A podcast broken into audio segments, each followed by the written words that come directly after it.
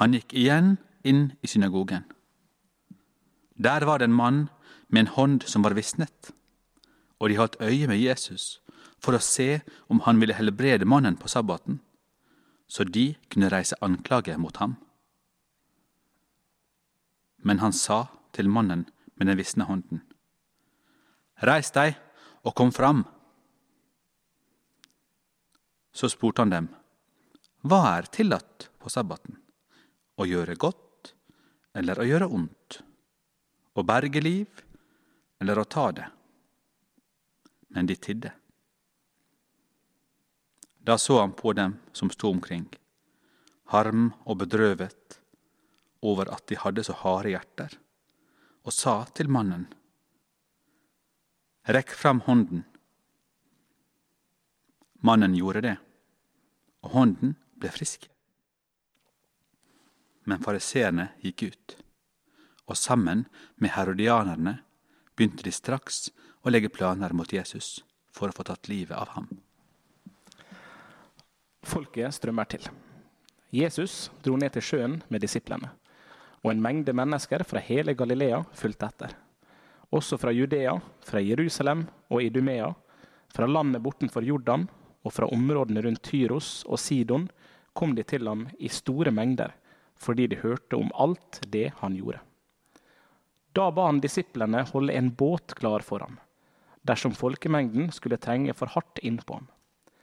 For han helbredet mange, så alle som hadde plager, trengte seg fram for å røre ved ham. Når de urene åndene så ham, kastet de seg ned for ham og ropte, Du er Guds sønn. Men han truet dem og påla dem strengt at de ikke måtte gjøre kjent hvem han var. Jesus kaller de tolv apostlene. Så gikk han opp i fjellet. Han kalte til seg dem han ville, og de kom til ham. Han pekte ut tolv, som han også kalte apostler, for at de skulle være sammen med ham, og for at han kunne sende dem ut for å forkynne og ha makt til å drive ut de onde åndene. Han utpekte de tolv. Det var Simon, som han ga navnet Peter, Jakob, sønn av Sebedeus, og hans bror Johannes. Disse to kalte han Boanerges, som betyr tordensønner, og Andreas, Philip, Bartolomeus, Matteus, Thomas, Jakob, sønn av Alfaus, Tadeus, Simon Kananeos og Judas Iskariot, han som forrådte ham.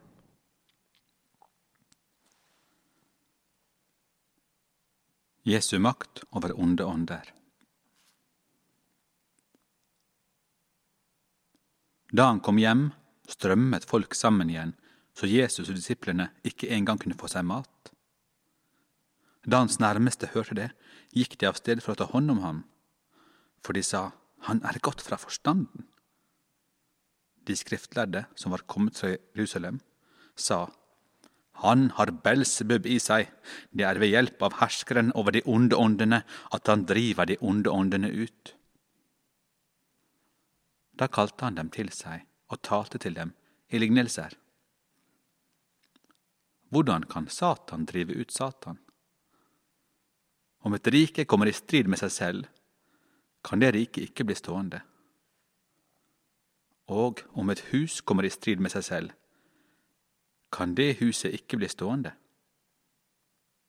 Om nå Satan har reist seg mot seg selv og er kommet i strid med seg selv, kan han ikke bli stående. Da er det ute med ham. Men ingen kan gå inn i den sterkes hus og røve det han eier, uten at han først har bundet den sterke. Da kan han plyndre huset hans. Sannelig, jeg sier dere, alt skal mennesket få tilgivelse for, både synder og spott, hvor mye de enn spotter. Men den som spotter Den hellige ånd, får aldri i evighet tilgivelse, men er skyldig i evig synd. Dette sa han fordi de hadde sagt, han har en uren ånd i seg. Jesu sanne familie. Nå kom moren og søsknene hans. De ble stående utenfor, men sendte bud og ba ham komme ut. En stor flokk satt omkring ham, og noen sa til ham, Din mor og dine brødre og søstre er utenfor og spør etter deg. Han svarte, Hvem er min mor og mine søsken? Og han så på dem som satt omkring ham, og sa, Se, her er min mor og mine søsken. For den som gjør Guds vilje, er min bror og søster og mor.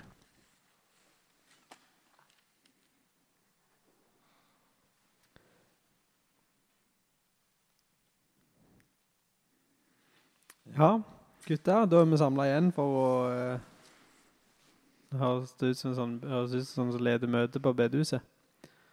Eh, vi er samlet for at vi skal snakke litt om eh, det vi har lest. Vi har lest Markus evangeliet kapittel 3. Eh, og så skal vi snakke litt i lag om hvordan vi tenker om det. Men før det så må vi introdusere en ny stemme. For blodfansen har jo hørt meg og Oddgeir snakke før. Men vi har fått med en nye, som heter Sven Giske. Og du kan jo si litt om deg sjøl, Sven. Ja, kort oppsummert, eh, ny daglig leder i eh, Ålesund og Voldsdalen menighet. Og Det er nå på eh, ja på tredje dagen. Så det, det er fint å være til stede, og kjekt å være med på, på podkast. Og kjekt å lese tredje kapittel av Markus evangeliet sammen med dere. Dere har jo lest de to første uten meg. Mm. Ja, jeg, eh, første som slår meg her, det er jo den rebellen som Jesus var, altså. Eh, jeg bare går rett på saken, altså. Fordi at jeg har vokst opp med et bilde av Gud som en sånn stor, monumental skikkelse, og Jesus som en sånn snill onkel. Altså sånn, Han var snill, jeg tok ungene på fanget. Nei, han var god. Og det var han. Men han, han altså Han sprenger grensene for hva vi ser på som vanlig oppførsel. Han sier ting som Når jeg leser det, så bare Ja, men dette, dette er drøyt. Dette er liksom Sånn kan du ikke si. Altså, det Samme som med lignelsene. sant? Det at Han er rausere, han er mer gavmild. Vi snakka om eh, forrige episodene. Han er mer gavmild enn det vi syns er naturlig.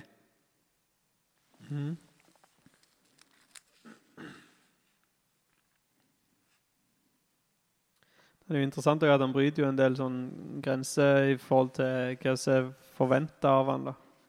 Eh, For han går inn i en synagoge, og der er det manns eh, hånd, og den var visna. Og så vet vi jo ikke helt hva sykdom han hadde, men eh, spedalskhet er en teori. Jeg vet ikke helt på en måte hva som var galt med han, men jeg vet at eh, eh, folk som hadde sykdommer, skulle helst ikke være i synagogen, på en måte hellige huset. De var ureine og kunne ikke nærme seg Gud og sånne forskjellige ting. Men det virker ikke som det er noe problem her. Her har du på en måte skriftlærde, de på en måte som hadde hele vedet, følger med på han, og så prøver de å se her vil han. Vil Jesus helbrede denne mannen på sabbaten? For Mm. det har de sikkert hørt om at han kunne fra før. Eh, og så er de spent på det. Kommer han til å bryte det her eh, hviledagsbudet? Du skal holde hviledagen hellig med Mm. sabbatsbudet, liksom. Eh, for de må jo åpenbart ha tenkt at det å helbrede var et slags arbeid. Å helbrede på sabbaten var ikke greit da. For en lovlærer som Jesus var da, en rabbiner, en jødisk lærer. Um, og så kaller han til seg denne her mannen, og så um, Og så gjør han jo ikke noe med han mannen i begynnelsen. Han bare kaller han til seg, og så sier han til de rundt hva er tillatt på sabbaten, og gjør godt eller gjør ondt, og berger liv eller tar liv. Og da sier de jo ingenting. For at perspektivet deres virker til å være um, Så lenge vi bare følger loven og gjør det som rett, så er det ikke nøye hvordan konsekvensene er på en måte for mennesket. Og da er du med en gang inne i en slags diskusjon om mange teolog teologiske problemstillinger. Altså, er det rett å tenke en ting på en måte tenke teologisk, Du tenker teologisk rett om en ting, på en måte, eller bibelsk rett, for å kalle det det. da. Eh, men det skader folk rundt deg. Er det da moralsk, etisk og moralsk rett å hevde det, på en måte? Og Det er jo et stort spørsmål, men det er jo litt det spørsmålet som ligger i denne teksten. For fariseerne eller skriftlærde, eh, de De venter bare på påskudd på at de kan anklage Jesus for noe. Mm. Eh, og så passer de på, prøver de å teste han, eller passer på De passer på han for å se om han kan, om han bryter noen regler. For det var jo fy-fy å gjøre. Det Mens veldig Jesus, sier, mens Jesus sitt fokus er mer liksom eh, Ja, det er rett å bryte dette budet hvis det kommer noen til gode. Høres det ut som for min del. da. Det er jo veldig lammende konsept fariseerne holder på med. da. Det at jeg ikke kan kritiseres, eh, det trumfer alt. Det er sånn som vi av og til kan se i vår tid også. sant? Når noen har ansvar, noen, ja, dette må ordnes. Ok, hvis jeg kommer på banen, da kan jeg få kritikk. Men jeg kan heller sitte og vente og kritisere andre. Så det virker som jeg tok litt den rolla, da. Ja, det virker jo sånn når han stiller de spørsmålene, og de bare tier helt stilt. For de Mm. vet at uh, her er det en mulighet for å svare feil. Ja. Det kan være at jeg svarer feil. Jeg syns det er veldig interessant eh, det du bringer på banen tidlig her, Oddgeir, at, um, at Jesus er en, på mange måter en rebell. Ikke sant? Um, og så tenker vi også litt i dag, um, i 2021 Har vi noen slike globale figurer i dag? Oi. Jeg syns det er et litt sånn stort spørsmål. Er vi, finnes det folk som er like modige som det Jesus var, mot det etablerte? Ja, det tror jeg vi kan si. Det, det, jeg kjenner at jeg blir utfordra av spørsmålet ditt. og Det er, litt, det er bare godt og vondt. Sant? Altså, jeg vil ikke si som at Greta Thunberg er som den nye Messias. For det tror jeg da, da kommer vi på kartet, vi også. Men, men altså, konseptet med at eh, noe provoserer oss, og det kan bevege oss i positiv retning, det er jo jeg tenker Det er litt sånn fakta, da. Sant? Hvis du kun tenker komfort, kun tenker jeg skal iallfall ikke bli kritisert, og ingen skal bli støtt, eh, og jeg skal kun si ting som blir akseptert. Det, det vil jeg kalle en lammelse. Sant? Mm. Og da trenger vi jo rebeller, da. Ja. Ja, en rebell må jo være det, altså en person som er villig til å bryte litt regler og tape en del på en måte for sin egen del for å for å liksom eh, endre på noe, da. Og nå er jeg jo klar over at jeg er den eneste her som følger med på La Liga, men det var jo en rasismeskandale der denne runden, der en Valencia-spiller påstår å ha blitt eh, kalt noe veldig stygt, eh, og går av banen. Og hele Valencia-laget går av i lag med han og inn i garderoben etter når de spilte en halvtime. Og så ender det opp med at laget kommer ut igjen, og da, spil, da uten han som har blitt utsatt for rasisme, men han som på en måte ble anklaga for å ha mm, liksom opptrådt ufint, han kommer ut på banen igjen med det andre laget og spiller fram til pause. Og Det er jo et eksempel på, synes jeg, en situasjon der et helt lag kunne markert seg mot rasisme, f.eks. De, de hadde tapt tre poeng. De hadde jo brutt noen regler. Mm. Men de hadde tenkt ja, men det vet du hva, dette er større enn tre poeng. Det er verdt å bryte noen regler for å få fram et poeng. At rasisme det vil ikke bli tolerert i toppfotballen. Og det er kanskje litt snodige parallell, men det er, det er jo litt det Jesus òg holder på med. At han tenker sånn Ja, greit nok, jeg blir ikke tatt på alvor av eliten hvis jeg bryter sabbatsbudet og helbreder noen. Men det vil være godt for det mennesket faktisk helbreder. Den vil få et helt nytt liv. Og dermed er det verdt å bryte denne regelen. Det er liksom definisjonen på en rebell, tenker jeg da. Ja, men så er det perspektivet til Jesus også. Altså I forrige eh, kapittel så slutta det med at sabbaten ble til for mennesket, ikke mennesket for sabbaten.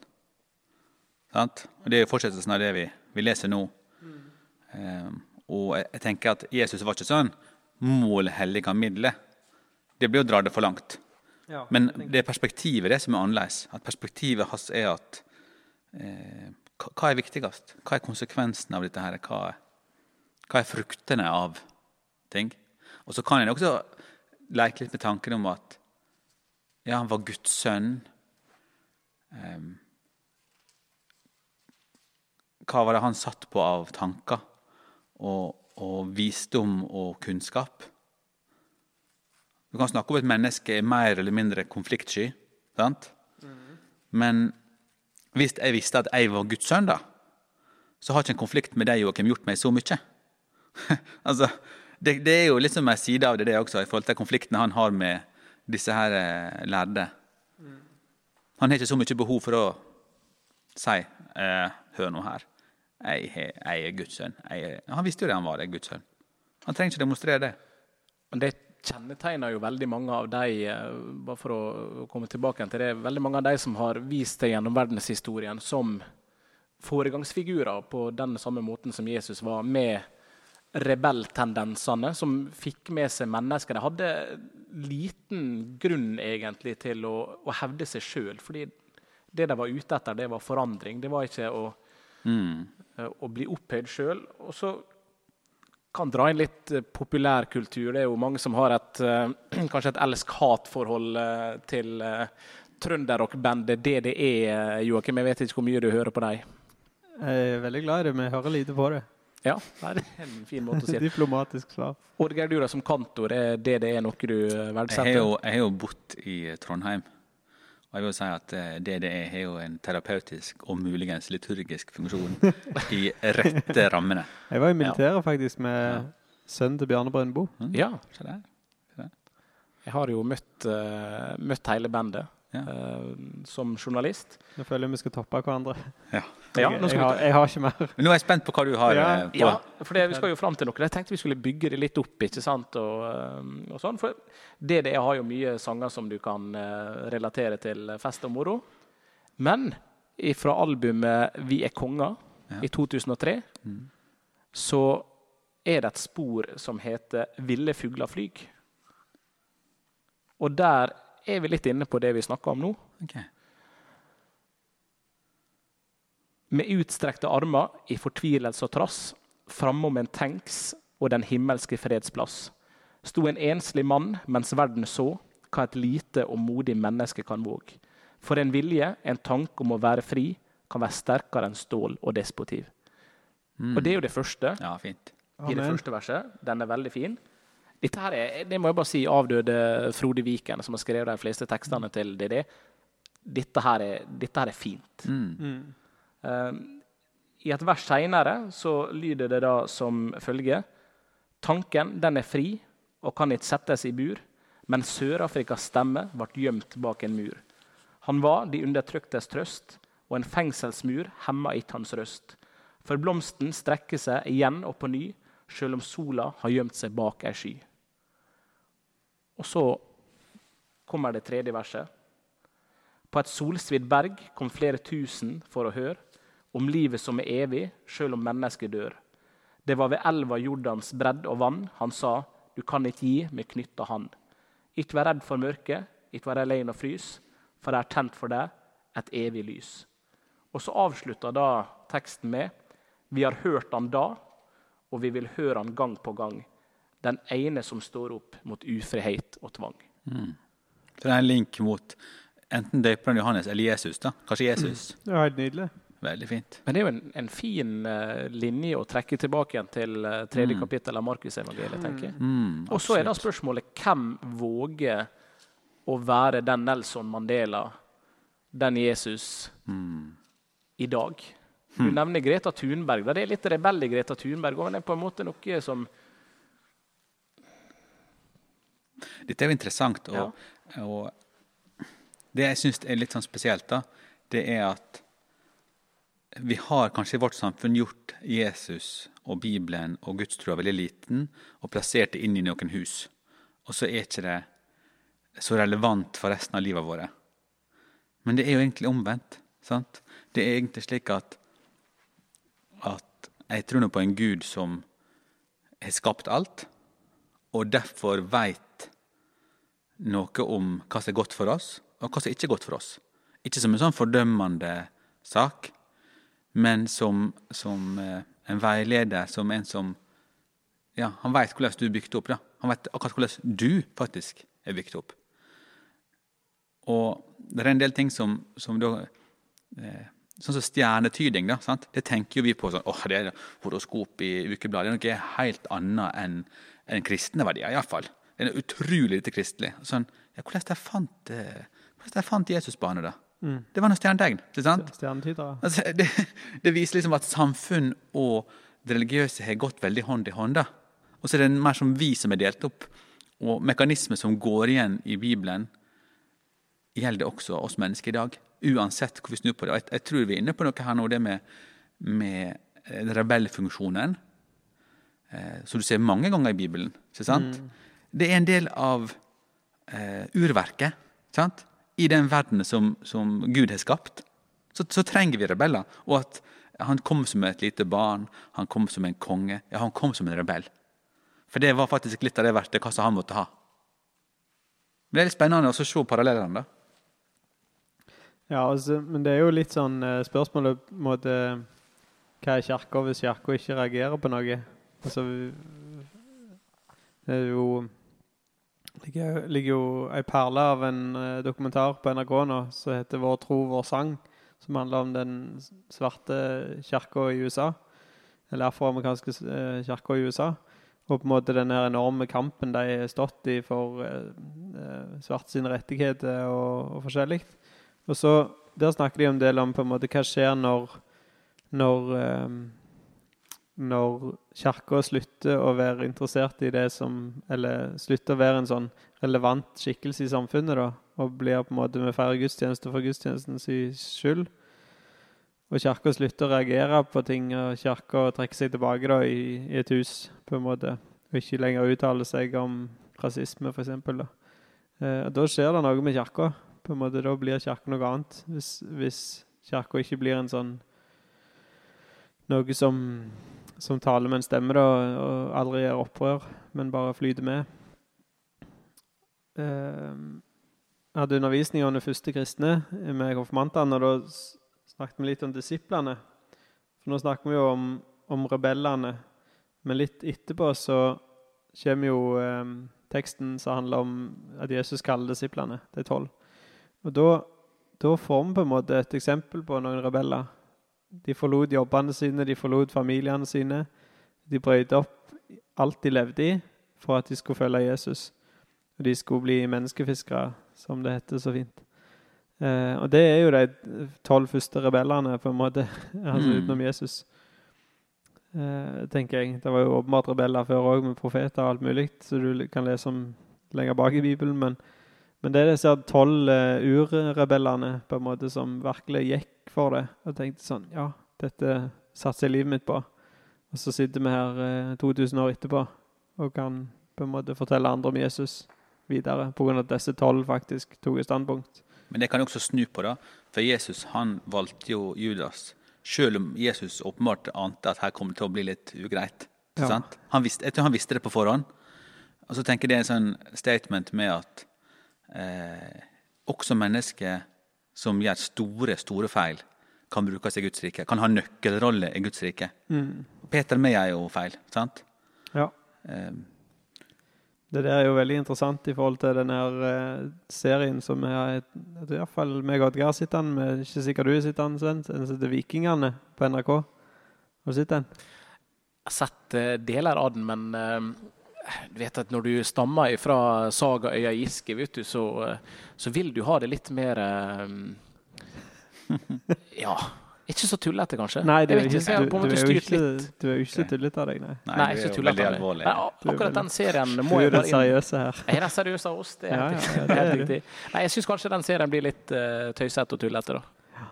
Så um, Ja, Eller harde fakta jeg vet om vikingene. Så nei, jeg har ikke ja du ville, du Ja. ville. Men det er så interessant eh, i den serien, om en liker den eller ikke, da. Men der er det en figur som dukker opp i en av episodene, en som de kaller for eh, eh, Mitt navn er Han sier det. Mitt navn er Vidkun den svikefulle. Ja. Og så ser han ekstremt suspekt ut, hele mannen. Og det er så åpenbart at dette er jo en mann som Vi forstår det når vi ser han at her kommer det til å skje et eller annet snusk. Noe som ikke er så bra. Og så Hvis du leser denne fortellingen i Markusevangeliet eh, Markus som handler om når Jesus velger ut disiplene, så kan du lese i fotnotene når det står om Judas Iskariot, så står det Iskariot. Betydningen av ordet er usikker. Noen setter navnet i forbindelse med et arameisk ord for den falske. Mm. Sant? det der er det sånn Ja, mm, ja, er som kommer til å forråde meg, tror jeg? Hmm, er det Peter? Ja, det betyr, ordet- navnet ditt betyr klippa. Eh, dere ble kalt for tordensønner. Det er jo litt sånn Ja, det er jo engasjement. Det er like med og irritasjon er bra, og temperament og sånn. Og så eh, Judas eh, den falske. kan det være du?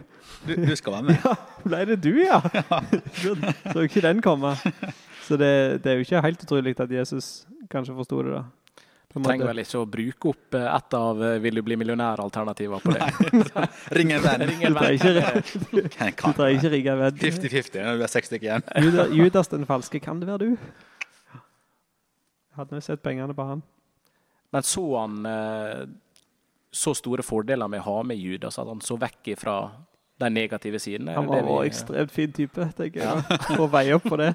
Nei, men noen måtte jo Altså, han skulle jo dø på korset, da. Ja, Jesus skulle dø det var jo korset. poeng, det. Ja. Ja. Nå tror jeg fariseerne egentlig var klar til å få til det på egen hånd. Å. Fy søren, du må være Du skal være et godt menneske, altså. Hvis folk, jeg vet at du kommer til å få det meg og selge meg for 30 sølvpenger, men du er så fin type. Jeg liker deg så godt at jeg tar deg med i gjengen likevel. Ja, men jeg, jeg tror det var et Da- poeng, da. Sånn Ja, som det det. Paulus, Saulus. Sant? En som han, Paulus var en som tidligere tok med seg kvinner og barn i lenke. Sant? Mm. For de sa at det på Jesus. Og han ble da omvendt til en som var Jesus sin største eh, misjonær. Ikke Ja, det, det var jobben til Paulus å fengsle Ja. familie, eller fengsle kristne. før eh. Damaskus. Ja. Og det samme her. Jeg tror fariserene har fått til å rive Jesus i filler helt på egen hånd. Det har de fiksa fint. Mm. Men jeg tror det er poenget med historien at en av de som Jesus hadde mest tillit til, eh, var en av de som sveik han. For det, er veldig mange aspekt ved det. sant? Det at de vi har tillit til, kan svike oss. Eh, og så velger vi å, å tro på folk igjen og igjen og igjen. Og det er jo også noe av det som, som er livet, som er mekanismene. Men tenker du at han hadde Si, si det var han som styrte pengene, så var det han, som, han de hadde mest tillit til? Nei, at Jesus hadde tillit til han. Ja. Det var Jesus som bestemte at han skulle styre pengene. Ja, men det jeg tenkte ikke mye på det. Jeg tenkte mer på det at at um, Jesus hadde jo tillit til hver enkelt, han. Sant? Og det var et poeng for Jesus å fortelle det at uh, jeg velger dette mennesket her som en del av uh, mine disipler. Jeg velger disse her som mine disipler, til tross for det jeg veit. Mm. For jeg tror ikke Jesus ønsker at vi som lever i dag, heller skal tenke om oss sjøl at ja, jeg kan ikke være en del av gjengen hans i dag. Jeg er ikke bra nok i dag. Fordi at eh, det var jo helt perfekte folk han valgte. Jeg tror Jesus vil fortelle noe med å ha Peter, med å ha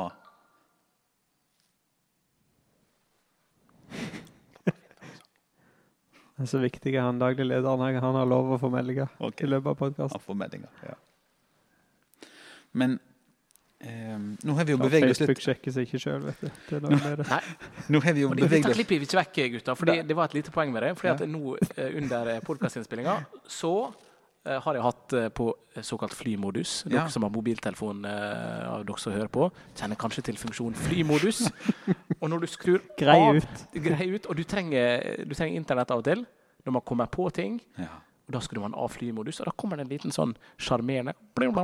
Der, Der kom kommer den igjen. Igjen. Dette med lydløst det kom på nye telefoner nå, da. Ja. Det er mange Ja. som har det. Jeg vet ikke om din har det. det, er Det går an å skru på. internett. Det kommer til å gå over.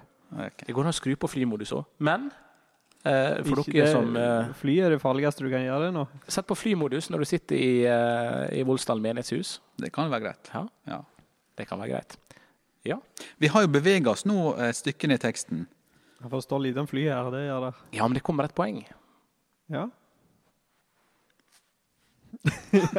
Alle ser helt sånn villråd på hverandre. Hvem skal komme? ja det kommer et poeng. Ja, men eh, Vi snakker jo om eh, at Jesus kalte de tolv apostlene, og de var ikke perfekte. Og han ga de navn han kalte de for Eller kalte han de for det? Ja. Eh, står det ikke det? At han Jo, han han pekte ut tolv, som han også kalte apostler. Ja. Og ordet apostel det betyr utsending. Eh, og så står det i fotnotene apostler, gresk for utsending, med fullmakt til å tale på vegne av sin herre. Og det er jo poenget med å velge de tolv, tenker jeg da, at han, at han eh, skal ha noe til, som kan fortsette jobben, på en måte. Spre evangeliet ut til resten av verden. Mm. Mm. Så kommer det seg under åndene. Ja. Bare for å skyte inn, uh, folkens. Jeg må på do. Var det det? Dere, dere som uh, har hørt på um, Drøs og piano, har blitt godt kjent med Joakim Oddgeir. Og så kommer jeg inn her da som en, uh, en mann som er glad i popkultur. Og så hørte dere kanskje en liten lyd som indikerte at det kom oppdatering fordi jeg skrudde av flymodus. Det var rett og slett for å komme med på det o-store internett. Ja. For å finne ei låt oh, ja. som dukka opp i mitt hode ja da kantor Nossen snakka om svik. Mm. Og vår felles eh, bekjent eh, Joakim, Bjørn Eidsvåg, ja, ja. han har jo veldig mye Judas-relatert tematikk Mm. i mange av sine sanger. Mm. Om svik. Mm. Og mener at kanskje vi mennesker svikter litt også, Mm. En gang iblant. Og at vi har med oss litt av de dårlige egenskapene òg. Men Mm. at venner og familie er like glad i oss. Så har han en låt som heter 'Kyrie'. Ja, den er veldig god. Den er veldig, veldig bra. Og den dukka opp i hodet mitt uh, når vi kom inn på Den, ja, jeg skjønner det veldig godt. Eh, jeg, jeg, tenk, jeg tenker fort at, at jeg blir litt sånn blir nesten litt lei meg av og til pga. disse her norske visesangerne og eh, ja, popmusikken. Fordi at de skriver så gode tekster. Og det er nesten og misforstå meg rett det er nesten synd at de kan å spille instrument og synge. Mm. For ellers så hadde vi jo opphøyd dem som de poetene de faktisk er. Mm. Sant?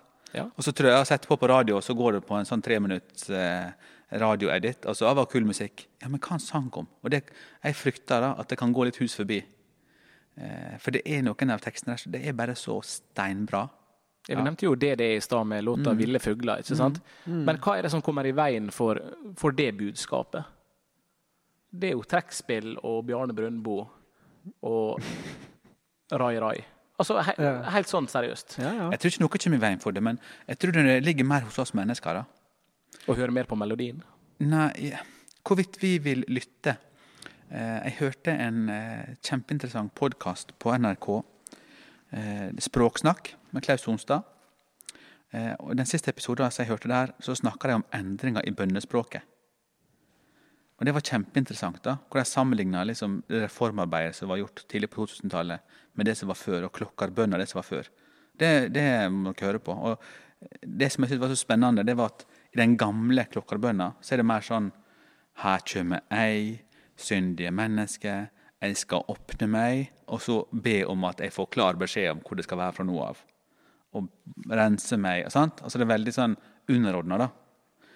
Mens i noen av de forslagene som kom, eh, som var i forhold til eh, reformarbeidet, så var jo bønner av typen sånn Hjelp oss å drømme om eh, det gode livet. Altså Det var mer sånn Gud som en assistent til at vi skulle realisere oss sjøl. Og, og det sier noe om at det er jo, det er jo oss det er jo oss det stopper med. sant? Teksten, enten det er Jan Eggum eller det er det det er, eller sånt, så er det sånne skatter tekstmessig. Og så hører vi på musikken, sånn, lager mat og høyre i bakgrunnen. sant? Men det at vi setter oss ned og bare Hva står det her? Og Det samme som vi prøver å gjøre nå med Bibelen. sant? Altså, I stedet for å sovne i de tingene vi har vokst opp med, eller som vi på en måte har fått med oss, av inntrykkene som er skapt av eh, Jeg tror du sa det her, eh, Joakim. Altså De mest ekstreme representantene for ei gruppe blir gjerne de vi fester oss ved. At det er typisk den type folk. Og ja, sånne yrkesgrupper ja, det er typisk de, sant? Og inntrykket vårt av Jesus og av kirka stivner fort da, med det vi allerede har. Og Det er det jeg håper vi kan få til med denne podkasten. At når vi leser hva som står her, ja, så framstår jo Jesus da som en langt større rebell enn han gjorde i min barndom. Og samtidig så er jo dette her eh, historie som er skrevet for lenge, lenge siden. Mm. Og så begynner vi å, å diskutere litt rundt det, og så ser vi ja, kanskje er det rebeller i dag også. Mm. Rebeller på vegne av folkegrupper. Mm. Men også, og det er jeg veldig opptatt av, at det er mange som sliter psykisk. Mm. Det har jo blitt uh, tydeliggjort nå gjennom koronaen. Klarer man å være såpass rebelsk at man kan inspirere folk rundt seg som man vet sliter, eller seg sjøl, å være rebell i sitt eget liv? Oi. Klarer man å inspireres litt av den, den tøffe Jesus? Mm. Og da tenker jeg at slike tekster som, som bl.a. Bjørn Eidsvåg kommer med her, kan være ei videreføring av det vi leser i Markusevangeliet. Det er jo kjempeinteressant, eh, Svein. Altså, Som trøst og inspirasjon. Da. Og blant annet Ja. Kyri her, da, hvor, eh, hvor Bjørn Eidsvåg skriver det blir klar, Mm. tydelig eh, referanse her til, til Jesus sine disipler som svikta han. Så skriver da Bjørn Eidsvåg, eller synger for den saks skyld, og jeg har tenkt, det skulle ikke jeg ha gjort. Mm. Jeg skulle ha kjempa sammen med deg, holdt rundt deg og tørka svetten bort, gjort hva jeg kunne for å glede deg. Mm. Videre, men jeg vet at jeg òg svikter, fornekter og bedrar. Jeg gjør ikke det jeg vet jeg plikter, Jeg er hjerteløs og hard. Liker sel for andres nød, ofte blind for venners sorg. Hva bryr det meg, de andres død, min kulde er så fast en borg. Og så kommer det da til slutt at Ja, er likevel er du like glad i meg, så tar du til å, å vaske beina mine. Mm. Ja, det Og det, det er så mye i Mm. denne rock'n'roll-versjonen av eh, Jesu liv som Markus evangeliet som vi kan se i dag, altså. Ja, ja, ja. Og Derfor betyr disse bibelske tekstene så mye at vi må ikke bli Vi må ikke bli blind på det. Nei, vi må nei. ikke akkurat det. ta det for, for bare tekst, altså. Mm. For det finnes så mye både i populærkulturen og i samfunnet rundt oss i dag som går igjen litt. Men det handler om å bruke det. Mm. Om du, om du sliter sosialt, Mm. om du sliter på arbeidsplassen din, om du sliter med, med vonde tanker, eller om du ser urettferdighet og vil ha forandring. Vi har jo nettopp eh, lagt bak oss fasteaksjonen. Vi er heldige som kan gå ut på kjøkkenet her i Volda, i Volda sier du, der jeg har studert, Voldsdalen menighetshus, og tappe oss rent vann. Mm. Mm. Og så ser vi hvor mange som har bl.a. babyer da, i andre land som vokser opp med så ureint vann. Og så samler vi inn penger, og så er fasteaksjonen over. Mhm. Men klarer vi i all vår god Altså i all vår velstand å være rebell på, på vegne av de som ikke har det bra? Nei, jeg tror ikke jeg. Jeg tror vi er For min egen del, da. Jeg er glad i komfort. Ikke sant? Mm. Og jeg er også glad i opplevelsen av at jeg sjøl eh, mestrer, leder meg sjøl, eller gjør opprør mot eh, egne valg, gjør bedre valg i morgen i dag. Det, alt dette liker jeg jo veldig godt. Eh, men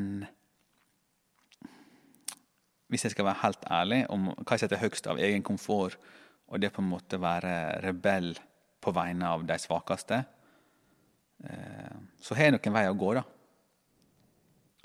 Men det er jo litt sånn eh, På en måte være rebell i møte med det svakeste handler jo ikke om å eh, på en måte ha det like dårlig som det dårligste har det. Nei, det ble feil. Altså å ha det like dårlig som de som har det verst. Men jeg tenker litt sånn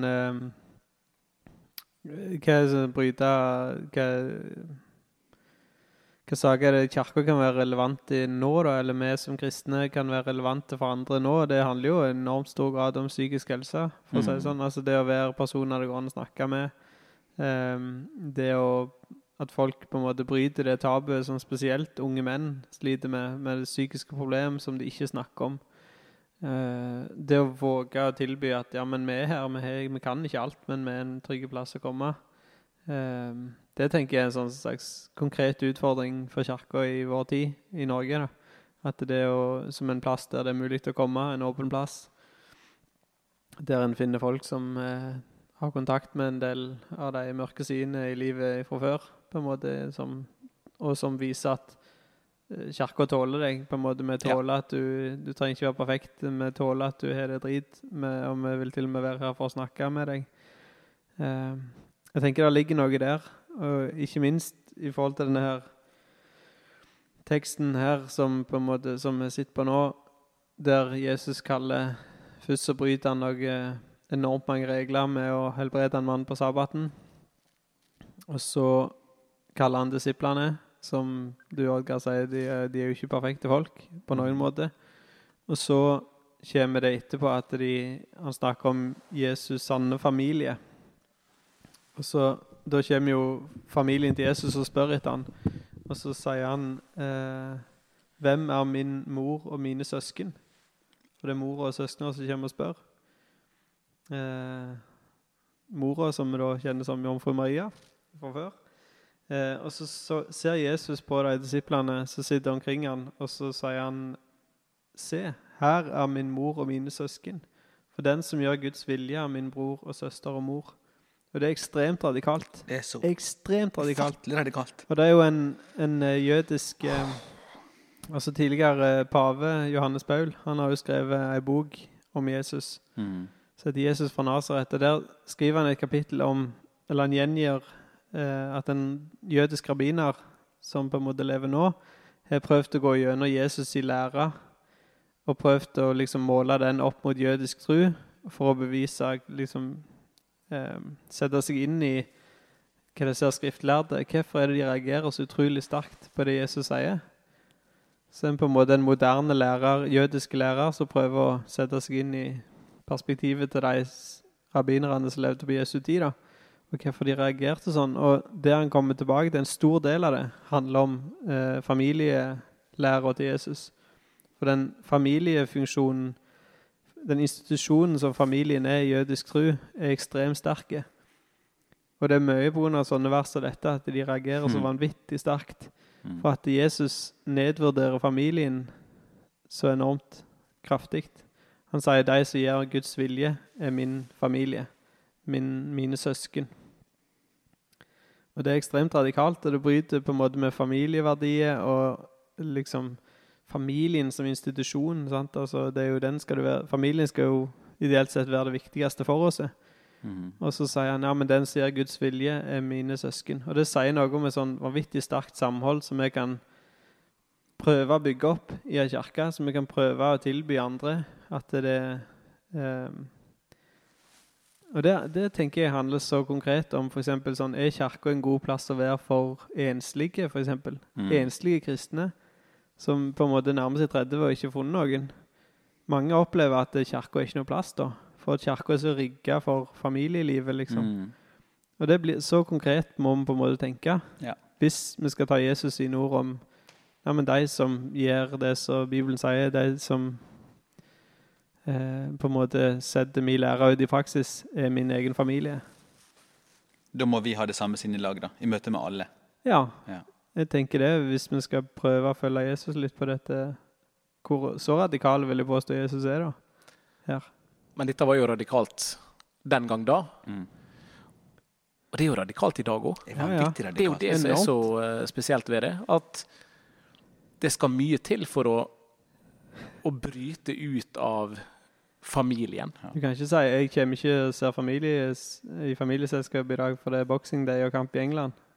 Det gjør det jo ikke. Nå er jo jeg eh, av den typen Nå snakker jeg ikke nærmeste familie. eh, Jeg er jo oppvokst med det. At eh, Vi hadde familieselskap så tante, tante og onkel, og så hadde de to stover. Den ene der var der eh, mat og kake, og den andre der var der United-kamp. Så det er klart det går an, men det skal mye til, altså. Jeg må jo innrømme det at jeg har forsvunnet sporløst eh, fra familieselskap for eh, å være til stede på Color Line stadion. For å Eh, følge Jesus. Er du Iallfall OFK. I alle fall OFK. Eh, Ja, litt annen farge på skjortene enn det Jesus hadde. Alle må begynne en plass. Men fotballen også er jo et fint eh, fellesskap. Mm. Ja. Og det kan vi sikkert snakke om i en annen podkast. Men kirka har mye å lære av fotballen. Mm. ja. Og fotballen har mye å lære av kirka, det må også sies. Men den fellesskapsfølelsen, den må vi være ute etter å, Ja. å skape.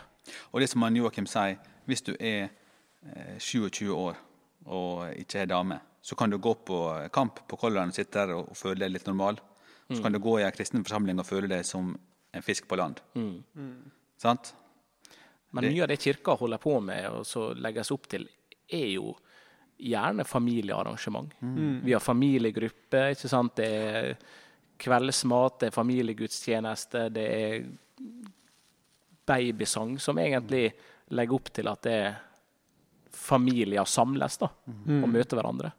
Det vi har med Åpen kirke, eksempel, det har vi jo hatt i Ålesund en hel stund, og vi har hatt det litt i det siste her i Voldsdalen. Replikk. Åpen kirke er da at kirka står åpen én time, og så kan folk komme til analyse eller sitte i stillhet. Ja. Bare hvis noen ikke vet hva det Det bra, åpen kirke vil si. Bra du sa det. Jeg vil bare si det, og så må jeg gå når for jeg skal ha en dåpssamtale. Ja. Men det var rikt. Fortsett. Ja, vi, er jo ne vi er jo nesten landa da, Joakim. Men du skal springe nå? Det kan du gjøre. Nei, jeg og en svensk lande landet her. Eh, nei, jeg tenker bare på på dette her siste avsnittet. Altså, det er så grenseløst radikalt. For det sier også noe om Det, det, det berører litt hvem Jesus var. Mm. Eh, For jeg har siste året så har jeg tenkt mye på dette med, med Gud og Jesus og, og hvem de er. Og eh, jeg er nå unger sjøl, og eh, de er nå verdens snilleste unger. Og av og til så, så skjer det jo ting som du på en måte tenker at Nei, men hvorfor gjorde du det? Det- Dette er ikke greit. Så, så må du ikke gjøre. Eh, og du kan bli litt sånn kompromissløs og sånn. Og det tenker jeg, det er den i treenigheten, da, altså med Gud, Jesus og Den hellige ånd. Så tenker jeg på den farsfiguren som bare sier nei. Det er Gud. Og så Jesus, det er på en måte han som, som eh, tåler når ting ikke går bra. Sant? Det er den, den delen av, av Gud som sier eh, 'Jeg elsker deg uansett'. Samme hva som skjer, så skal, eh, skal vi være venner. Samme hva som skjer, så skal vi tilgi hverandre. Han er på en måte den mjuke. ikke sant? Og da hadde jeg syntes det var veldig ok hvis eh, Eller ikke veldig ok, da, men det var mer ok hvis Jesus hadde sagt Og han så på dem som satt omkring ham, og sa, Se, her er min mor og mine søsken. For de som tror på meg, er min bror, søster og mor. Men han sier ikke det. Han sier, For den som gjør Guds vilje, er min bror og søster og mor. Og Det er det jeg syns er litt ubehagelig med Jesus. det at, at Noen ganger så er han ikke sånn på gjerninga at du er nødt å gjøre det og det og det for å være bra nok. Og noen ganger så er han litt sånn kompromissløs på at eh, jo, jeg forventer dette her av deg. Eh, men jeg, jeg tror de tekstene er sånn fordi at vi er forskjellige, og er i forskjellige faser av livet.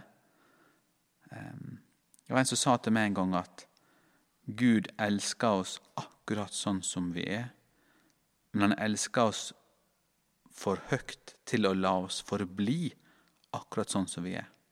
Og Det tenker jeg er en fin nyansering av akkurat dette her. da, sant? At Du snakka om psykisk helse også i stad. Altså, hva kan vi som kirke gjøre? Jo, jeg tror jo det at vi kan være mennesker som eh, forteller om Jesus. Vi kan også være med oss og skape en kultur for å snakke om livet sånn som det ble. Og være med oss og skape mestring i, i våre liv, i, i de vi møter. Altså, at det blir et helt reelt eh, samspill med andre folk uten noe fasade. Det er det jeg tror er, er bra. da. Og da kan en, en vitne for hverandre om hva trua har betydd, og det å være en kristen, hva det faktisk betyr. Og jeg tror at folk som har det vanskelig, så er det å, bli kjent med Jesus en bra ting. da. Så enkelt, tenker jeg det.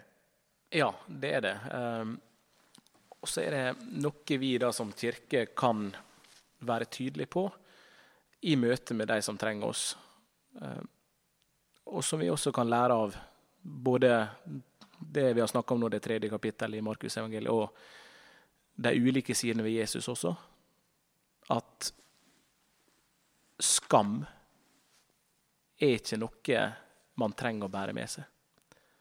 Og da jeg studerte i Volda, så var jeg del av noe som heter Volda kristne studentlag. Ja. Og der var vi veldig mange forskjellige ungdommer med ulik eh, bagasje. Jeg tilhørte jo dette fotballmiljøet der det er høyt under eh, taket, og der det ja, kan smelle både fra øst og vest, men der den fellesskapsfølelsen og, og de verdiene som vi sto for, det knytta oss sammen.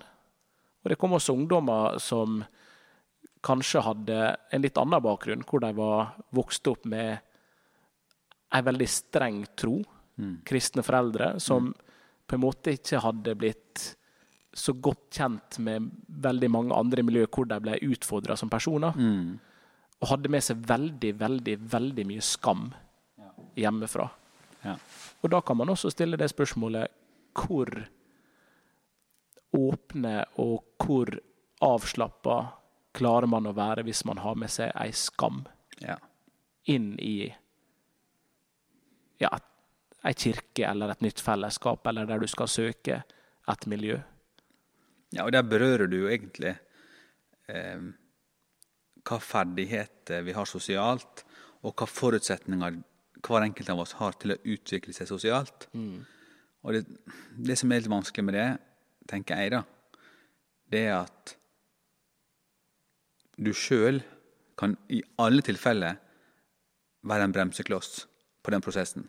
Definitivt. Ja. Og da må vi utfordre folk, også sjøl, Ja. på å lære litt av Jesus og være rebeller i vårt Ja, eget liv. Ja, kanskje det. Men altså, vi som kirke kan jo peke på Jesus, og vi kan, kan eh, møte folk. Eh, og så har du alle andre faktorer som spiller inn. sant? Altså Hvis noen har en veldig streng og sint far, da, som kanskje har ikke vært snill med ungene sine, så tror jeg nå det påvirker mulighetene eh, et barn har i, altså i forhold til et gudsbilde og far, en farsfigur. Jeg tror det henger sammen. Sant? Altså, fordi Bibelen er så veldig sånn på dette med Gud som, som vår far, da. Eh, Så hvis det skurrer i det ene farsforholdet, så kan det legge en, en eh, demper på hva, hvor lett det er å få et forhold til Gud. da. Kloke ord. Det må vi få lov til å si. Så skamløse må vi få lov til å, å være. Neste episode av Drøse piano, da skal Ja. vi snakke om uh, fjerde kapittel av uh, Markus eh, evangeliet. Skal vi gi en liten, en liten teaser, som det heter i podkastverden, til hva vi skal snakke om da? Jesus taler i lignelser. Det er et veldig fint kapittel. da. Ja. Med såmannen og såkornet og oljelampen. Så det blir veldig bra. Det blir veldig bra. Og Jesus stiller stormen også. Det blir kjekt. Kanskje har jeg noen Bjørn Eidsvåg-tekster som jeg drar fram. Oi, oi, oi. Kjenner av til, eh, Oddgeir, at jeg blir litt, uh, litt uh, popkulturell. Men det må være lov, det òg. Det er helt lov. Ja. Jeg liker veldig godt mye spilt, for Jeg sa i stad tekster. Det er så mange skatter hvis en begynner å høre etter på hva, hva folk synger. altså. Kanskje det skal være ei utfordring? At man, eh, man hører litt eh, etter i, i popmusikken, hva den har å fortelle. Så jo nettopp et, eh, et oppslag i en nettavis om eh, hvor viktig Jesus var blitt i Justin Bieber Ja, ja. sine tekster. Mm. Så det gleder jeg meg til å høre. Jeg må innrømme, jeg er ikke noen sånn kjempestor Justin Bieber-fan. altså ikke av mennesket Justin Bieber, sikkert fint, men jeg har ikke truffet med musikken. Kanskje. Nei. Skal ta og høre litt på det han kommer med nå. Men når du snakker om utfordring å gi, sant Altså Både som far og i andre sammenhenger, så, så kan jeg gi råd og si hva jeg mener om noe. Og så har det slått meg i det siste at de rådene vi gir, bør vi kanskje begynne å lytte til sjøl. Mm. For det er veldig ofte at de utfordringene som barna har, både på skole eller sosialt med venner, det er jo versjoner av det samme som vi voksne sliter med. Ja, det er faktisk det. Ja. Og hvis du da kan tenke på hva løsninger gir jeg mine barn, da, hva forslag til løsning gir jeg til mine barn, så kan det ofte være sånn «Ja, Men hva er det du sier, da? Hva, hva vil det betydd i ditt liv, Oddgeir? Helt sånn konkret. Eh, hvis noen eh, skulle rydde rom eller gjøre lekser eller sånt, så sier jeg sånn Ja, men da må jo du skape på en måte det punktet hvor du stopper opp og spør hva skal jeg gjøre nå? Skal jeg sette meg på mobilen? Skal jeg spille Minecraft? Eller skal jeg se om jeg har mer lekser igjen? Så, altså tenke meg om, ikke sant? Slett stoppe opp litt. Men det rådet gjelder jo i aller høyeste grad til oss sjøl. Ja, definitivt. Ja. Stoppe opp, spørre oss OK, hvor går det? eh, hva skal jeg bruke resten av denne dagen på? Det er det jeg tenker at det å sette seg ned med Bibelen og lese noe i evangelia, og så spørre seg hva var, det, hva var dette her betydde? Hva kan dette bety for meg?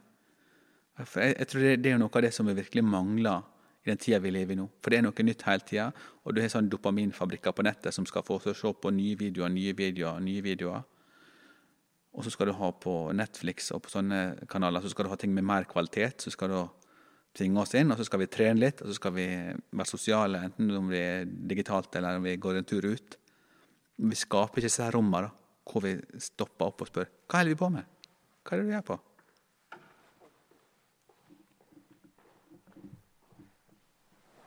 Det er sikkert det, altså. Der sølte du nesten kaffen min. Da har vi klart å begynne, da. Mesterskyte ingen hare. Men hvem, hvem leser kor? Ja, Hvem leser kor? Ingen skal lese kor. Det er korinterbrevet, det. Altså, Dette er veldig seriøst. Ja. Ja. Starten er veldig seriøs. ja. Så da bare begynner vi rett på. Og jeg foreslår at vi bare leser et avsnitt hver, og du må lese. Og så kan kanskje du si noe om at vi har fått en ny, eh, ny eh, medarbeider. Det kan jeg si litt om. Altså Kan du si at han er med i dag, og han er, er På daglig leder? Det går an å si. Ja. Mm. Og så, når vi har lest ferdig, og så jeg kan klippe inn noe musikk på et tidspunkt, men det ordner jeg etterpå. Eh, Men eh, at vi da går gjennom teksten hvis vi har lest, og, og hva vi tror på, og hvordan vi Ja, hva vi tenker om det. Kan vi snakke litt om musikken som velges òg? Nei, for det vet vi ennå. Og det er vanskelig å snakke om noe vi ikke vet. Ja, det er sant. Men eh, har du ønske om noe musikk? Altså noe som passer? Altså, konkret musikk? Ikke si Meatloaf. Jeg hadde tenkt å si navnet Jesus. Har vi hatt den før? Ja, den har jeg hatt på episode én. Ja, på episode 1, ja. Episode én av to. Bra, Sven. Nei, de være ære. Og se. Du har jo fulgt med på den her? du.